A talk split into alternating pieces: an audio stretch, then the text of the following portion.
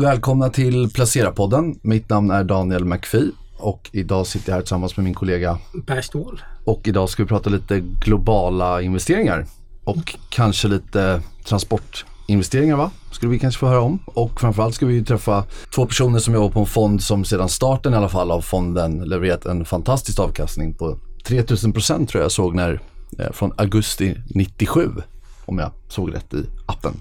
Och vilka har vi här då? Det, det vill ju lyssnarna veta. Det är Knut Geselius. Välkommen. Tack så mycket. Och Charlotte Åsberg. Välkommen. Tack, tack. Från Skagen Global ska vi säga också. Från Skagen Global. Jag intervjuade Knut för två år sedan. Mitt under covid var det faktiskt. Hade vi ett möte. För då fyller ni 24 år. Jag har ingen aning om varför jag skrev om 24-årsfond. Det brukar vara fyller 20 eller 25. Men det blev, ni, fyll, ni blev 24 år då i alla fall.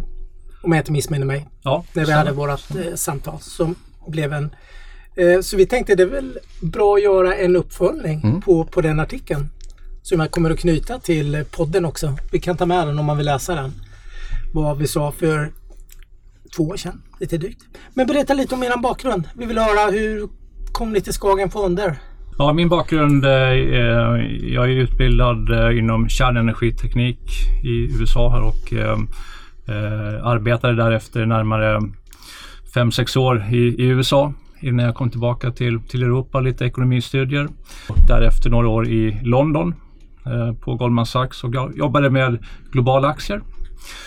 Och sen då därifrån så, eh, ja, ta ett steg närmare Norden, så var ju Skagenfonden någonting som jag hade växt upp med och eh, trodde mycket på den filosofin som man har på Skagen. Eh, långsiktigheten, generalisttänket, eh, kunna och våga gå mot strömmen. Mm. Det var sånt som eh, attraherade mig till, till eh, Skagen. Och 2014 flyttade jag till Stavanger i Norge där Skagen har sitt huvudkontor. Ja just det, och, ni sitter ju inte i eh, Oslo som man nej, kanske kan anta. Borta från bruset som man brukar säga här. Så att, då anslöt jag till Global-teamet. Så det blev en resa från London till Stavanger? Ja, det blev det. Nu är jag tillbaka i Stockholm här men jag bodde i närmare fem år i Stavanger. Och jag har en bakgrund inom fond, var med, och åren går fort här. Jag var med i, i början av 2000 och startade upp externa fonder inom SEB och har sen varit 8,5 år på East Capital, jobbar med Östeuropaförvaltning. Och sen har jag varit några år nu på kreditsidan och eh, sen dök den här möjligheten upp och precis som Knut sa här så har ju Skagen alltid legat mig varmt om hjärtat. Jag har alltid trott på aktiv förvaltning och tycker att Skagen är ett fantastiskt eh, intressant bolag. Så att jag tycker det är superkul att nu få chansen att jobba mer och närmare Skagen. Kul. Om vi bara börjar med, jag vet att ni pratar väldigt mycket om långsiktighet och nästan 5 till 10 år. Men om vi bara börjar med att prata om året. Det har gått, vad är det, snart sex månader på året. Eh, hur har det här året eh, utvecklats för er och vad är det ni ser för någonting som har påverkat fonden? Eh, för vår del har det varit lite upp och ner här under, under året. Det har varit ganska kraftiga svängningar på, på marknaden eh, som vi har sett så här långt. Eh, den här debatten om inflation och räntenivåerna den fortsätter naturligtvis och sätter sin prägel på marknaden. Eh, senaste veckorna har ju naturligtvis AI varit ett hett eh, samtalsämne här och även kursdrivande i, i vissa fall. Eh, så, men vi, vi upplever också att marknaden är lite grann ligger och trampar vatten. Alltså att det är inte det är inte många sektorer som för närvarande är totalt utbombade. Det finns kanske något exempel. Fastigheter är fortfarande på ganska låga nivåer. Ehm, men, eh, men ehm, andra sektorer ligger lite grann som sagt tycker vi känns inte jättedyra, kanske inte heller jättebilliga. Så att vi, eh, vi har, ligger och väntar på att få en, kanske en del bättre instegsmöjligheter här på, på nya eh, investeringar till fonden samtidigt som vi är väldigt nöjda med det vi har i portföljen för tillfället här som vi tror kan leverera värde över tid så att vi har ingen brådska att ta in någonting nytt. Eh, men det är kanske begränsat med väldigt intressanta möjligheter för tillfället. Du var inne på fastighetsbolagen där bara snabbt.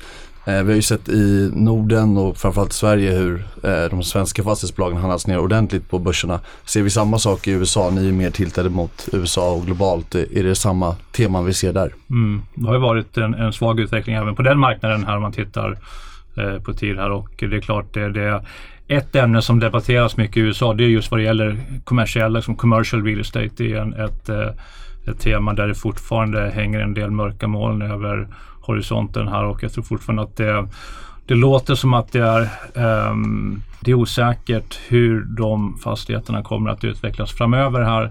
Såklart det kan innebära möjligheter men, men det är inte heller uppenbart att, att um, skuldsättningen här på den sidan nödvändigtvis är någonting som man vill gå in och, och, ta i från vårt perspektiv för, för tillfället här. Så det är ingenting som lockar er även fast aktierna handlats ner ordentligt? Vi är där och letar men vi har inte riktigt eh, slagit till på någonting eh, än så länge. Det låter lite som ni tror att börsen ska bli lite billigare. Du pratar om att du vill hitta köptillfällen. Är det, är det generellt att ni tror att, tror ni att börsen fortsätter sidledes eller ni vill gärna se någon någon riktningsförändring? Ja, vi har ju egentligen ingen syn på hur börsen utvecklas. Den kan gå upp och den kan gå ner eller den kan ligga kvar. Här. Så att det, det, är inte, det är inte det som vi fokuserar på utan, utan vi letar ju egentligen till vår portfölj att hitta bolag som på lång sikt, alltså flera års sikt, kan göra det bättre än index och leverera en, en fin också absolut avkastning. Men det är klart, vi är också öppna för att krydda portföljen eh, kanske lite mer taktiskt om det dyker upp någon, någon möjlighet. Här. Det, den typen av möjligheter har vi inte riktigt sprungit på riktigt eh, i, i nuläget här så att eh, eh det är det som vi avser. Jag tänkte bara en annan. Ni har en stor övervikt i, i USA. USA är ju världens största aktiemarknad. Eh, utgör väl någonstans mellan 60-70 procent beroende på vilket globalindex man har som referensindex. Eh, ni har närmare 80 procent i, i USA. Hur, hur resonerar ni kring det? Ja, det är en fråga som ofta dyker upp här och, och, det är lätt att få den uppfattningen om man tittar på ett faktablad från, från fonden. Därför att den här procentuella nedbrytningen den brukar baseras på var bolagen är listade, alltså vilken börs det handlas på, vilket land börsen ligger. Vi tycker att det är en, um, ger en lite skev bild därför att det är, en, det, det är en förenklad bild. Men det som vi tittar på det är egentligen var sker försäljningen för ett bolag? Eh, tar man till exempel ett bolag som Microsoft som alla känner till så, så är Microsoft listat i USA men försäljningen är splittad ungefär 50 i USA och 50% utanför USA. Ett annat exempel är Mastercard som vi också äger. Där är det ungefär en tredjedel av försäljningen i USA, två tredjedelar av försäljningen utanför USA. Men båda de här bolagen skulle klassas som 100% USA. Så när vi då tittar på den här kanske den mer underliggande exponeringen och gör den exercisen på hela portföljen. Då märker vi, eller då kommer vi fram till att exponeringen, den egentliga exponeringen, den är ungefär drygt 50 procent i USA, knappt 20 i Europa och 30 procent övriga världen, Asien, Sydamerika, Afrika, Kanada med mera. Här. Så att 50-30-20 USA, Asien, Europa, det ger en, en bättre bild över den faktiska exponeringen som man får om man är investerad i fonden. Ur det resonemanget skulle ni kunna äga svenska bolag till exempel som har en väldigt exporttung verksamhet som är globala också då eller hur ser, tänker ni kring det? Absolut. Vi, vi har ju ett obegränsat mandat, alltså vi kan mycket väl äga svenska bolag. Eh, vi har ägt svenska bolag tidigare. Vi har inga för tillfället i fonden här men eh, vi är öppna för den möjligheten. Eh, ja. Det är viktigt att förtydliga att vi har ju väldigt fria mandat. Vi har breda, fria, globala mandat så att vi kan ju i stort sett investera vart som helst i världen. Så portföljen är ett resultat av de möjligheter vi ser som allra, allra mest attraktiva utifrån ett värderingsperspektiv. Berätta gärna mer om investeringsprocessen. Hur, hur, ni, hur letar ni bolag? Vi tror ju att, att på lång sikt så finns det möjligheten att vara, eh, hitta ett mervärde i marknaden. Det vill säga att på kort sikt tror vi marknaden är väldigt effektiv. Eh, och framförallt från vårt perspektiv så letar vi efter då bolag som på lång sikt, alltså minst 3 till 5 år, gärna längre eh, investeringshorisont kan, kan eh, leverera mer avkastning. Och för att nå dit så finns det några parametrar som vi tycker är väldigt viktiga. Ett är att bolaget har goda fundamenta, att man har lite medvind i det man gör. Ehm, det är svårt om man är en Kodak till exempel att kunna leverera en fin meravkastning över tid om utvecklingen går åt ett annat håll. Väldigt viktigt att ha en, en stark eh, komparativ fördel som kallas för competitive edge på engelska för att kunna konsekvent och leverera den här meravkastningen. Eh, sen lägger vi mycket vikt vid corporate governance. Hitta bolag som har, är, är välskötta, där vi har en, eh, Eh, sitter i samma båt som ledningen och bolag där som också sagt behandlar kunder, medarbetare, leverantörer på ett, på ett bra sätt där vi tror att om man ska kunna leverera den här fina avkastningen över tid då måste man också skapa win-win situationer för i, liksom i sitt ekosystem. Eh, så det lägger vi mycket tid på att försöka identifiera bolag som, som möter de här kriterierna.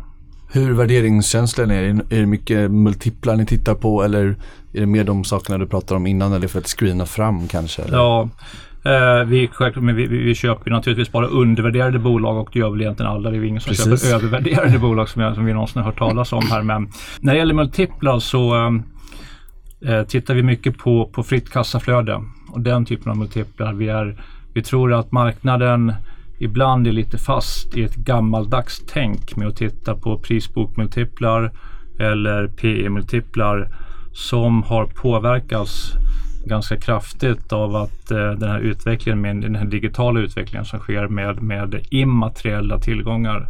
Det är någonting som inte reflekteras i dagens redovisningsprinciper.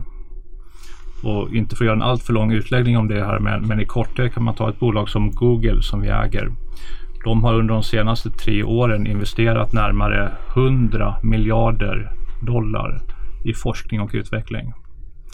Tittar man på deras balansräkning så har de bara tagit upp 2 miljarder i immateriella tillgångar. Så man skulle kunna tro då att de egentligen har slösat bort de här pengarna för de har gått igenom resultaträkningen. Så det är ju någonting som inte då reflekteras i multiplarna och det är klart om du kör 100 miljarder genom resultaträkningen så får du en ökade kostnadsutgifter så själva, eh, själva eh, intäkterna, som liksom earnings per share, det talet blir ju lägre än vad det egentligen borde vara. Det innebär att multipeln, P-multipeln blir ju också högre än vad den kanske borde vara.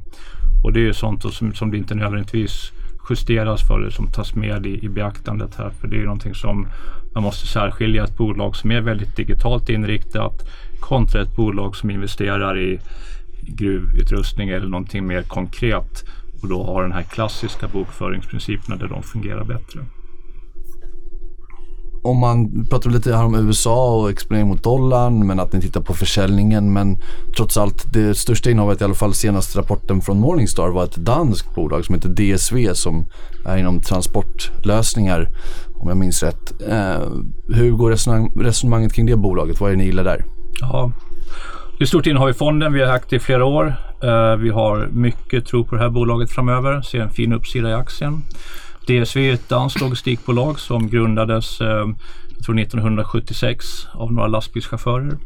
Eh, dock är det i dagsläget ett bolag som egentligen inte äger så, mycket, så många tillgångar. Alltså det är så att man, man, äger inte lastbilar, man äger inte fartyg, man äger egentligen inga flygplan.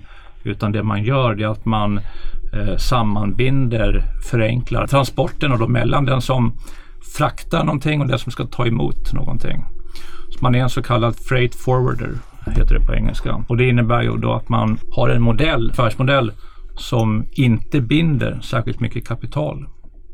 Samtidigt då som man, eh, man eh, gynnas av en ökad världshandel.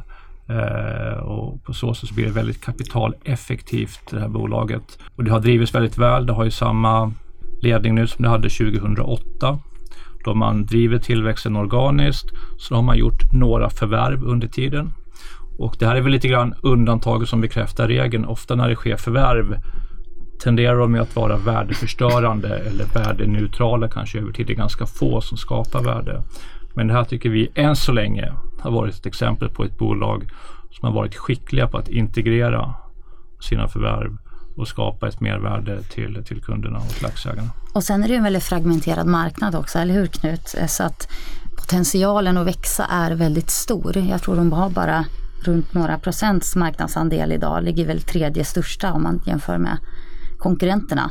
Exakt, en jättebra poäng att det här finns det som sagt en lång, många, många år här med tillväxt framöver här och, och det är klart det är framförallt där de här lite mindre bolagen som tidigare eh, förenklat här där det var några eh, som kanske körde med, med telefon och faxapparater för att, för att försöka synka ihop frakterna.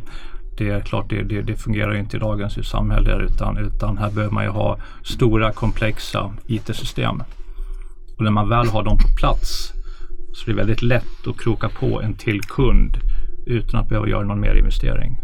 Så att vi tror att över tid kommer den här marknaden att konsolideras och DSV kommer vara förhoppningsvis en av vinnarna. Och danska kronan där är ju väldigt stark mot svenska kronan. Jag tror att den är över 1,50 i alla fall. Är det någonting ni endast noterar eller är det någonting ni faktiskt agerar på? Jag skulle säga så att vad det gäller alla parametrar som vi tittar på när vi gör en investering, det är en ganska lång lista, så valutan den kommer långt ner på den listan. Den är inte särskilt viktig egentligen som, ur det perspektivet. Och DSV en gång det är ett globalt bolag så en gång vara med noterad i det, det är mindre viktigt och klart deras pengar som de tjänar i USA eller i Japan de konverteras ju över naturligtvis till danska kronor här så att, eh, så att det, det är förhållandevis liten del av DSV-koncernen som är baserad på den inhemska danska marknaden. Jag tänkte jag slås som en sak när jag tittar vilka bolag ni äger i fonden. Och eh, man, man, kan ju se vissa teman tycker jag, eller trender. Eh, ni har någon form av betalningstema, Visa Mastercard. AI-tema får man väl säga att det har blivit nu då sista Microsoft, eh, Google eller Alphabet som moderbolaget heter. Och sen även transporttemat. Ni har ju en kanadensisk amerikansk eh, järnvägstransportör. Är det något eh, som är uttalat att ni har identifierat vissa teman eller trender som att ni som ni gärna investerar efter som ni har som något litet övergripande tankesätt eller hur ska man tolka det? Nej, man skulle nog tolka det som att det är mer en tillfällighet att det har blivit kanske de här teman eller inte. Vi letar efter bolag bottom-up som sagt här och det, är inte så att vi först hittar något tema och sen börjar leta bolag utan vi letar efter bolagen. Så är det klart att vi har ju identifierat och vi tycker att till exempel betalningssektorn är ett intressant ämne, ett intressant område att vara investerad i. Så att det har ju klart dragit oss mot Visa Mastercard av de spelarna som finns på det området här. Um, så att det, det kanske snarare är en reflektion över att det finns ju vissa sektorer där det också finns en, en historik av att skapa mervärde över tid. Det innebär inte att allting inom transport skapar mervärde och det kanske just inom den sektorn är det mycket som inte skapar mervärde. Mm. Men det finns också vissa delar där som är väldigt, väldigt attraktiva. Till exempel eh, den här järnvägen som, som du nämnde här. Det, det, det är svårt att förstå och tänka det men, men eh, om man tar Canadian Pacific, den här eh, kanadensiska järnvägen som vi äger, så har ju den under de senaste 20 åren avkastat eh, 28 gånger pengarna i svenska kronor, alltså sedan 2003. Tyvärr har vi inte ägt den under hela den tiden, här vi skulle gärna ha gjort det. Men, men det är för, bara för att sätta lite perspektiv på hur mycket pengar det kan bli i de här sektorerna. Och det är ändå ett, ett område som är ganska enkelt att förstå, en, en järnvägsfrakt. Eh, men det är sällan det skrivs om det i alla fall i, i svensk media. Men hur hittar du... Senast vi träffades då var det ett av de senaste innehaven du hade ja. köpt kommer jag ihåg. Då hade den kommit in senaste året eller någonting. Hur hittar du bolaget? Hur hittar ni dem, den typen av bolag som det inte skrivs någonting om exempelvis? Ja det är klart vi läser mycket för att hitta nya idéer här och det är lite screens och liknande här men det är också att försöka förstå vad som kommer kunna vara beständigt. Eh, vad som inte kommer kanske ändra sig så mycket när man tittar framåt och vi tror ju att om 10, 20, 30 år kommer järnvägsfrakt fortfarande vara ett bra sätt att, eh, att eh, transportera olika typer av, av prylar med. Så att det var någonting som låg, låg bakom själva tänket kring, kring det caset.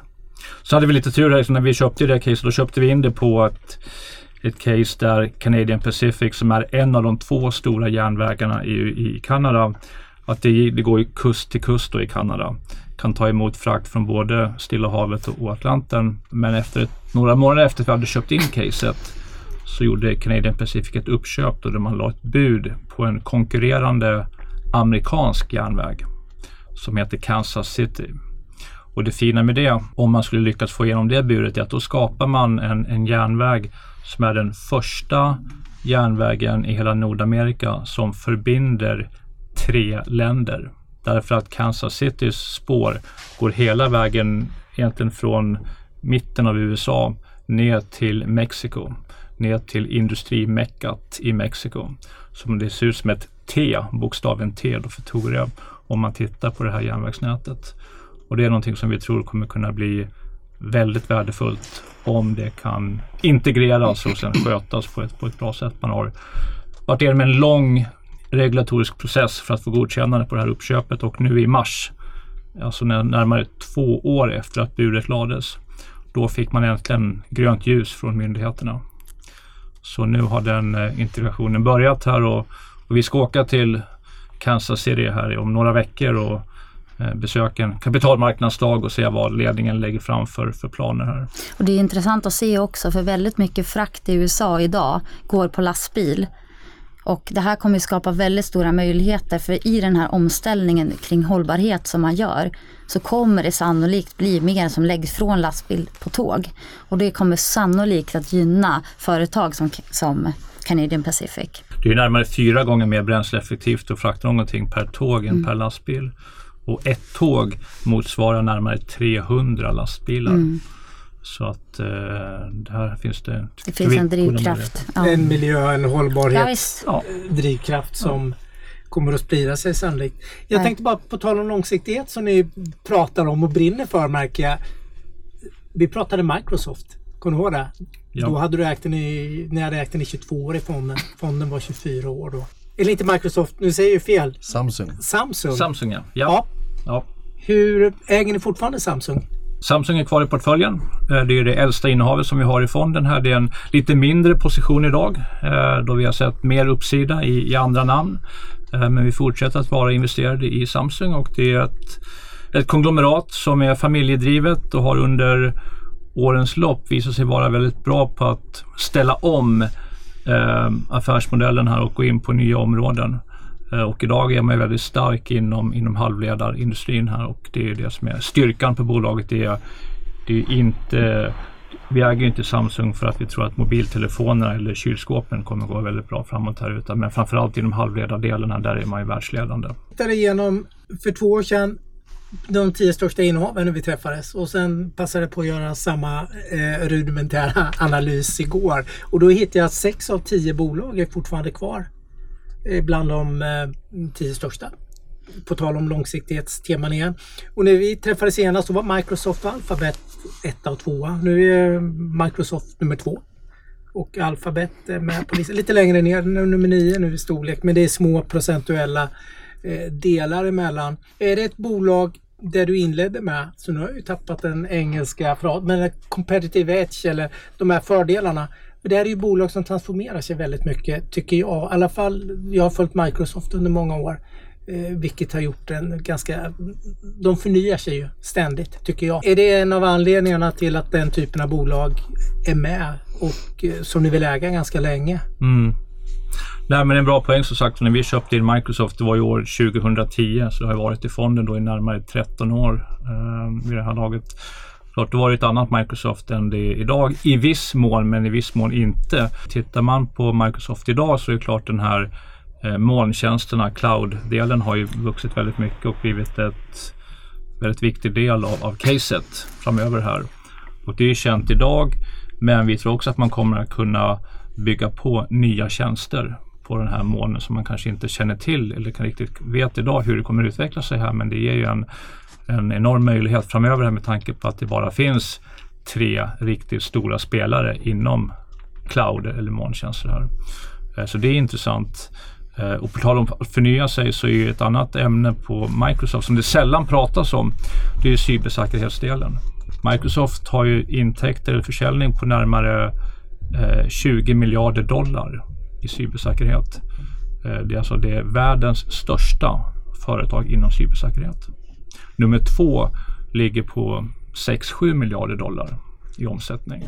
Så att det är en stor skillnad här som sagt. Det är någonting som det än en gång inte pratas så väldigt mycket om tycker vi i, i media här men, men ett område som eh, stärker också caset för Microsoft i och med att det här integreras i de andra olika produkterna som Microsoft säljer. Eh, på ett sätt som ser spännande ut. Och Microsoft investerade närmare 4 miljarder dollar i forskning och utveckling inom cybersäkerhet förra året. Så att det, det, är, det är mycket resurser som, som läggs på det här caset. apropå långsiktighet, det är ju, de flesta säger att de är långsiktiga och ni är uppenbarligen det visserligen. Men eh, hur tänker ni, vad är det som får er att sälja ett innehav där ni känner att nej men det här blev inte rätt? Ni sett tidigare vet jag när jag pratade om att ni undviker bruset men bruset brukar ju komma någonstans ifrån. Det är svårt att skilja vad är brus och vad är faktiskt på riktigt. Hur, hur resonerar ni kring när ni faktiskt har sålt innehav? Vad är det som förändras då? Mm. Det är egentligen tre anledningar till att vi säljer ett innehav. Det första det är att, äm, att vi har vi haft fel. Vår hypotes håller inte längre. Eh, någonting har ändrat sig i caset eller vi har gjort en, en missbedömning. Eh, och det händer och då gäller det bara att liksom, räcka upp handen och säga att förlåt, vi hade fel, liksom, vi lär oss av misstaget och, och gå vidare och inte försöka dölja det eller ha någon typ av stolthet som att man inte kan, kan sälja det utan, utan eh, det är bara ut med det och in med, in med en ny spelare. Så det, det kan ske. Ehm, det andra är att eh, caset helt enkelt går till kursmålet. Att det inte längre finns något värderingscase. Det kan ju vara så att den tickar alla andra boxar men inte längre undervärderat och då kan vi inte heller ha kvar i portföljen. Och nummer tre, det är om vi hittar någonting som är bättre. Så att vi uppgraderar portföljen utan att det behöver vara något fel på det här caset som åker ut. Men, men det är egentligen de tre situationerna då vi, då vi säljer någonting. Vi har ju en väldigt koncentrerad portfölj, det är runt 30 innehav. Så att eh, det är ju en koncentrerad portfölj med hög conviction. Och du Knut brukar ju säga att du är nöjd om det inte sker så stora omsättningar i fonden för då har, då har han valt rätt. Eh, just för att man ska hitta de här bolagen som över tid kan skapa ett väldigt stort värde till våra kunder och skapa stort värde. Starka balansräkningar, kassaflöden, låg skuldsättning, väldigt bra governance och bra ledning i bolagen som vi bedömer är väldigt, väldigt viktigt. Har ni hittat något, eh, har ni gjort någonting nu senaste året? Vi har eh, för första gången i fondens historia har vi gått in i Nya Zeeland. Där finns det ett bolag som heter Main Freight. Påminner lite grann om, om DSV. Det är ett logistikbolag som har viss frakt och viss freight forwarding. Uh, ungefär hälften av omsättningen kommer från Nya Zeeland och Australien och resten är i Europa, USA och Asien. Så vi bedömer att man är tidigare i resan än vad DSV var. Kanske man skruvar tillbaka tiden här en 10-15 år någonstans. Fortfarande leds bolaget av en, en av grundarna. Pratar mycket om långsiktighet, kulturen. Det finns en bra bok om det här bolaget som kom ut för ett par år sedan. Så det är ett bolag som vi har följt under lång tid. Det fick en fin skjuts upp under covidkrisen därför att det gick ju alla fraktraterna jättehögt här sen. Så när, de har, när fraktraterna har kommit tillbaka har även aktiekursen kommit ner igen. Och då tyckte vi att det var ett bra läge här att komma in i, i det bolaget. Så jag tror att det kan vara mycket värde att hämta under kommande ja, år.